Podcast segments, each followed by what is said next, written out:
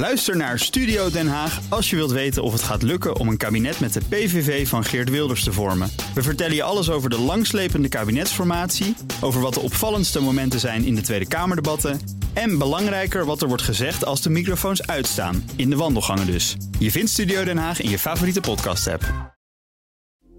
Dit is een BNR podcast. Wetenschap in het kort met Carlijn Meinders. Onderzoekers hebben dankzij oeroud genetisch materiaal een beter beeld gekregen van hoe sommige genetische aanpassingen hun weg naar Europa hebben gevonden. Eén daarvan is een verhoogd risico op de ziekte MS. De oorspronkelijke dragers zijn in drie golven naar ons continent gekomen. De eerste golf vond zo'n 45.000 jaar geleden plaats, toen jagers-verzamelaars vanuit Azië deze kant op kwamen. Rond 11.000 jaar geleden trokken boeren uit het Midden-Oosten naar Europa. En 5.000 jaar geleden voegden zich daar ook nog herders uit het westen van Azië bij.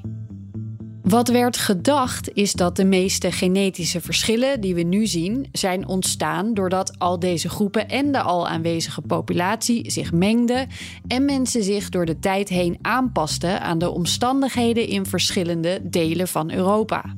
Maar dat blijkt toch niet het geval te zijn. Zo zagen de onderzoekers onder andere dat sommige migratiegroepen vrijwel niet mixten met de bewoners die er al waren, maar dat bestaande populaties op sommige plekken zijn verdreven en vervangen. In Denemarken is dit bijvoorbeeld het geval. Ook ontdekten ze dat moderne mensen veelal genetische sporen van alle drie de migratiegroepen bij zich dragen, maar afhankelijk van de leefplek vaak meer van de een dan van de ander.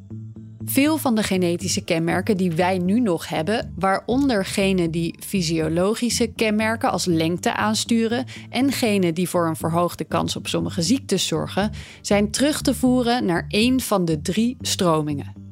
Een verhoogd risico op MS is bijvoorbeeld meegekomen met de laatste golf uit het westen van Azië. Mogelijk leverden dezelfde genen oorspronkelijk ook een evolutionair voordeel op. En is dat waarom ze zo sterk zijn doorgegeven.